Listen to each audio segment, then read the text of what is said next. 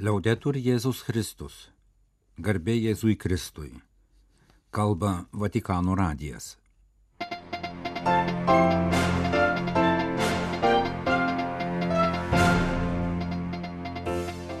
Malonūs klausytojai šioje antradienio rūpiučio 8 programoje. Paskelbta pasaulinės taikos dienos tema. Popiežiaus pratarmė knygai apie Šventojo Pranciškaus regulą. Devintoji konsistorija. Būsimas kardinolas iš Korsikos. Vatikano dviratininkų komanda Glasge. Žalios mečetės diena Italijoje.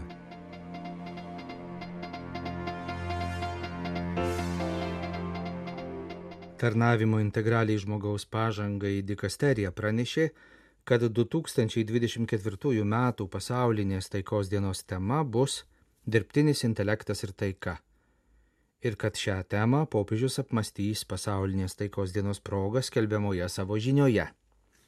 Dirbtinio intelekto srityje padaryta didžiulė pažanga daro vis didesnę įtaką žmogaus veiklai, asmeniniam ir socialiniam gyvenimui, politikai ir ekonomikai.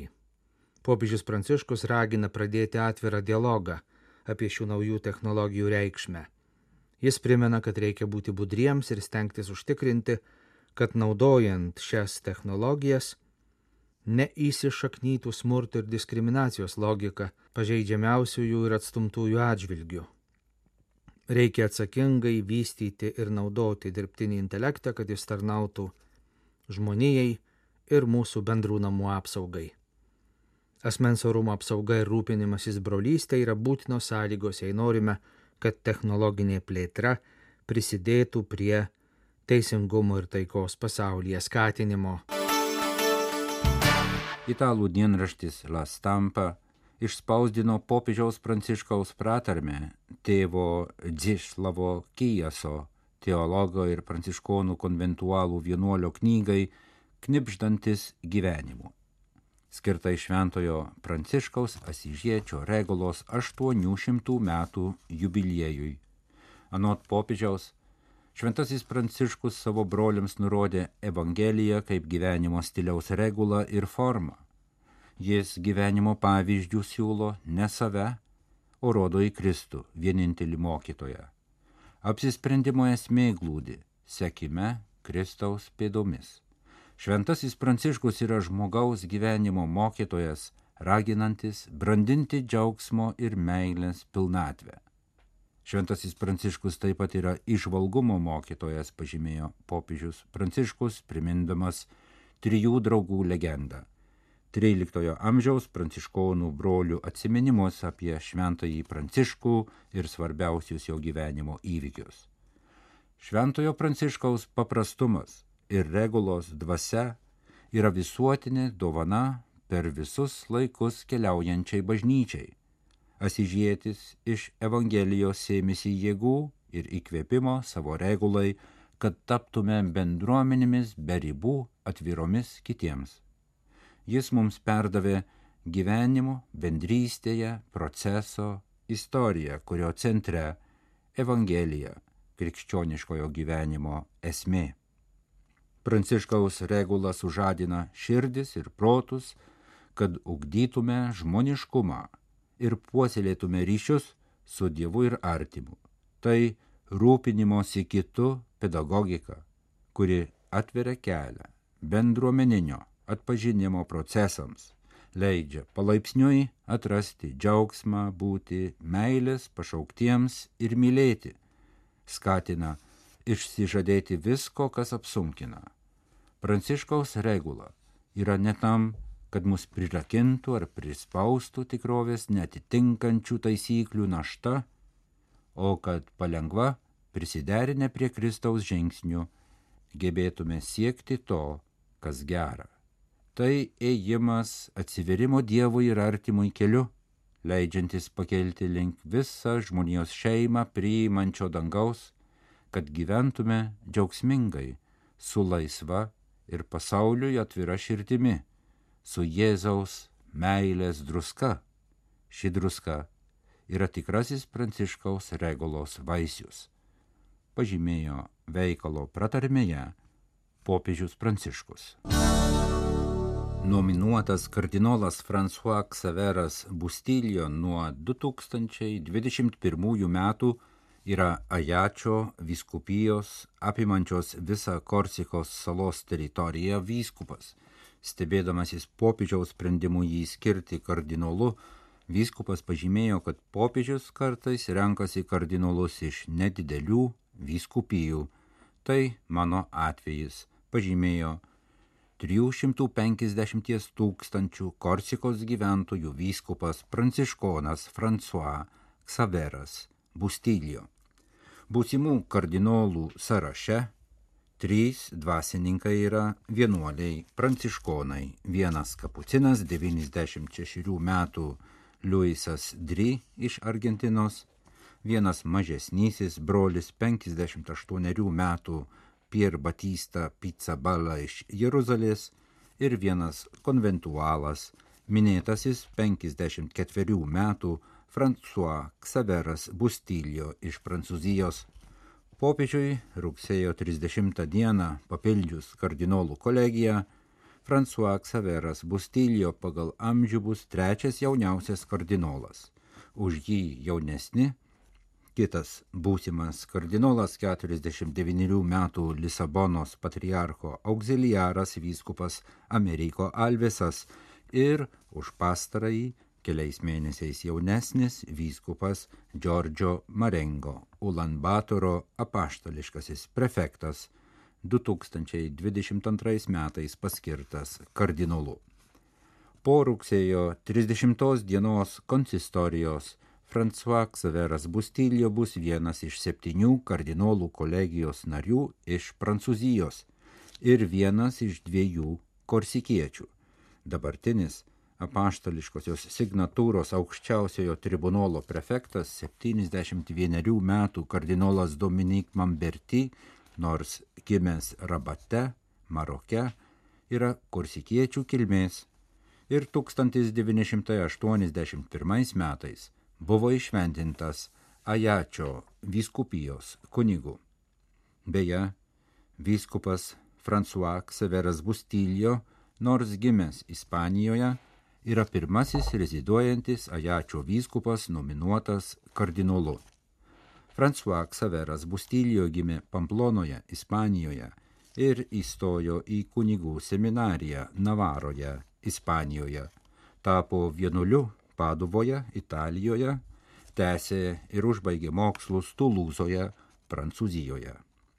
1992 metais davęs iškilminguosius vienuolinius įžadus, 1994 metais įšventintas pranciškonų konventualų kunigu ir tais pačiais metais su kitais ordino vienuoliais įkūrė Šventojo Bonaventūro vienuolyną Narbone, Prancūzijoje.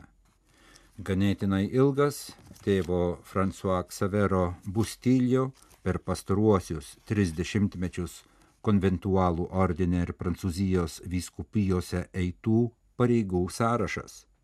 Jis buvęs Narbonos bendruomenės gvardijonas, Narbonos klebonas, Prancūzijos ir Belgijos provincijos kustodas, Karkasono ir Narbonos vyskupijos tarybos narys, vyskupijos vikaras ir delegatas naujiems dvasingumo judėjimams ir tarp religiniam dialogui.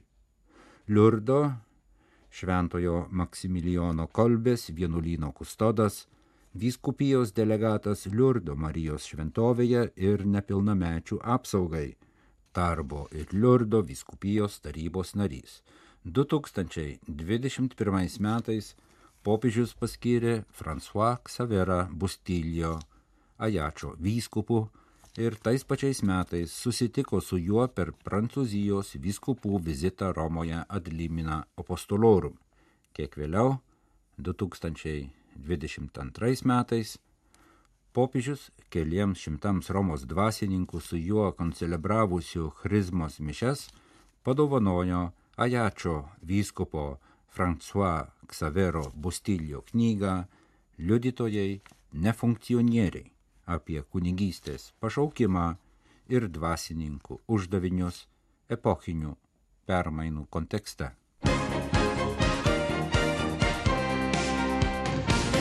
Kaip jau skelbta, rugsėjo 22-23 dienomis popiežius Pranciškus Marselio arkivyskupo kardinolo Žono Marko Velino kvietimu Marselėje pietinės Prancūzijos uostamiestyje dalyvaus Viduržėmio jūros regiono vyskupų ir jaunimo susitikime.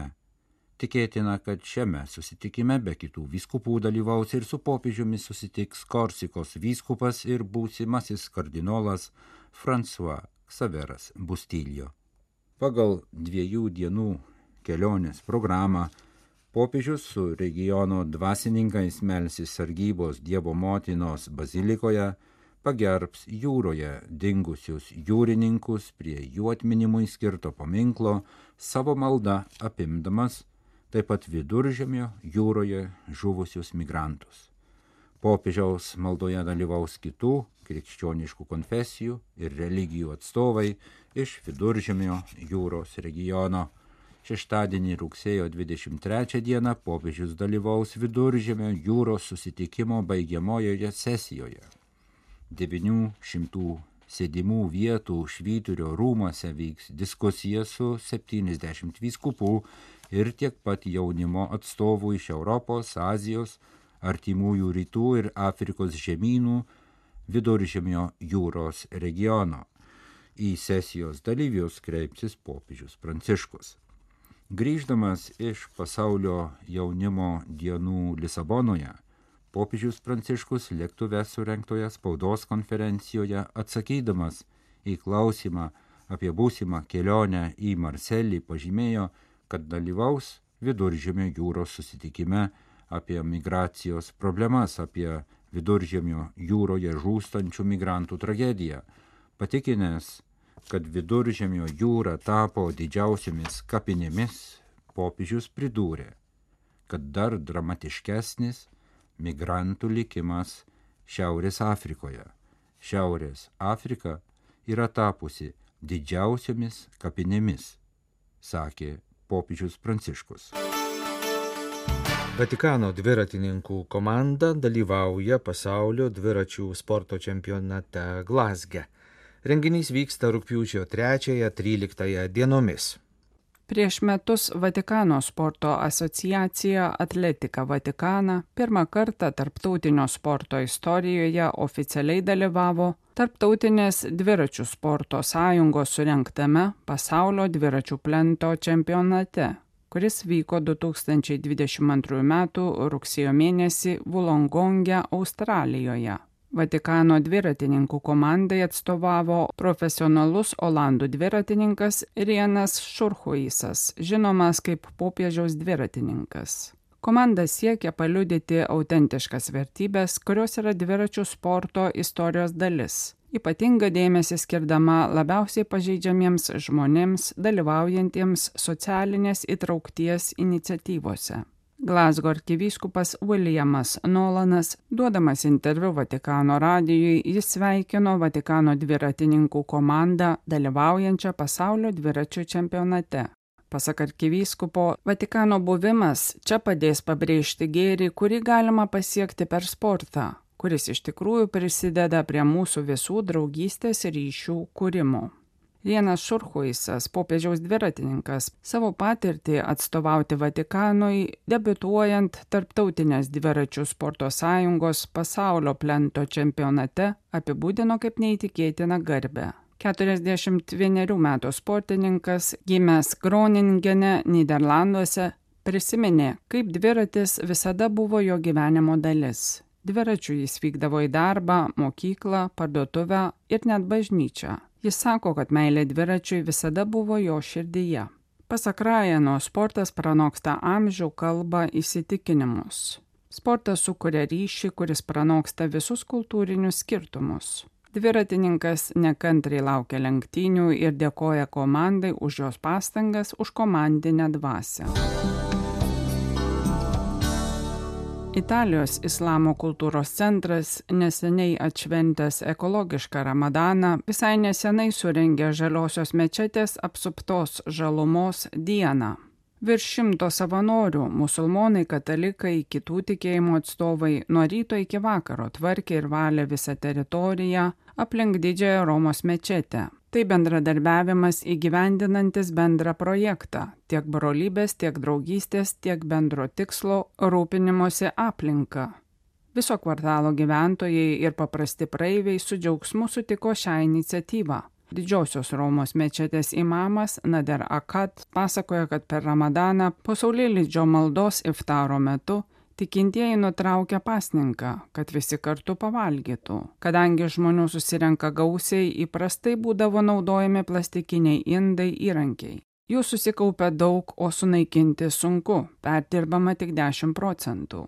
Atsižvelgiant į tai, kad pasaulyje yra apie 1,9 milijardo musulmonų, ypač tuose regionuose, kur plastiko problema ypač aktuali - Indonezijoje, Bangladeše ar Nigerijoje, imamai ir skatina naudoti mažiau plastiko, pavyzdžiui, atsinešti indus iš namų. Imamas sako, kad netidėliotina būtinybė rūpintis aplinką, apie kurią popiežius Pranciškus kalba enciklikoje Laudato Si, mato aplink užterštose jūrose, miestuose, tačiau taip pat reikia kultūrinės revoliucijos. Per Ramadaną mečetės aplanko tikrai daug tikinčiųjų, todėl imamai taip pat pasinaudoja šią progą samoningumui didinti, užmėgsti dialogą, skatinti atsakomybę, padėti suprasti, kaip veikti kartu kaip bendruomeniai, rūpinantis vieni kitais ir aplinką. Italijos islamo kultūros centras ryštingai įsipareigoja ir tvarios energetikos rytyje. Neseniai centras kartu su popiežiškoju Antonijanom universitetu pasirašė energetikos paktą - susitarimą kurti atsinaujinančios ir taikios energijos bendryją, kuri gamintų ir paskirstytų tvarę energiją gausimą iš saulės baterijų, sumontuotų ant universiteto ir didžiosios Romos mečetės stogų. Šios pirmosios tarp religinės energijos bendruomenės kūrimo darbai jau pradėti. Taip pavyko įgyvendinti idealus, kuriuos paskatino religiniai lyderiai, ypač dokumente dėl žmonių brolybės, kurį 2019 metais Abu Dabija pasirašė popiežius Pranciškus ir didysis Al-Azhar Al-Tajeb imamas, taip pat enciklikos Laudato Si ir Fratelli Tutti. Taip dialogas dažnai išsakytas popieriuje įsikūnijo, tapo bendru įsipareigojimu kurti energijos bendruomenę, kuri gamins energiją ir ją dovanos. Pasak didžiosios Romos mečetės imamo, šis susitarimas gali būti pavyzdys ir įkvėpimas kitoms bendruomenėms ne tik nacionaliniu, bet ir pasauliniu mastu.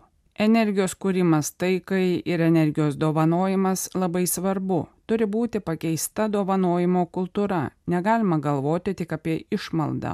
Ypač vykstant karui tarp Rusijos ir Ukrainos. Taip pat svarbus bendri veiksmai, kaip pavyzdžiui miesto valymas kartu ar kiti geri darbai, kurie stiprina skirtingų tikėjimo žmonių draugystę ir brolystę.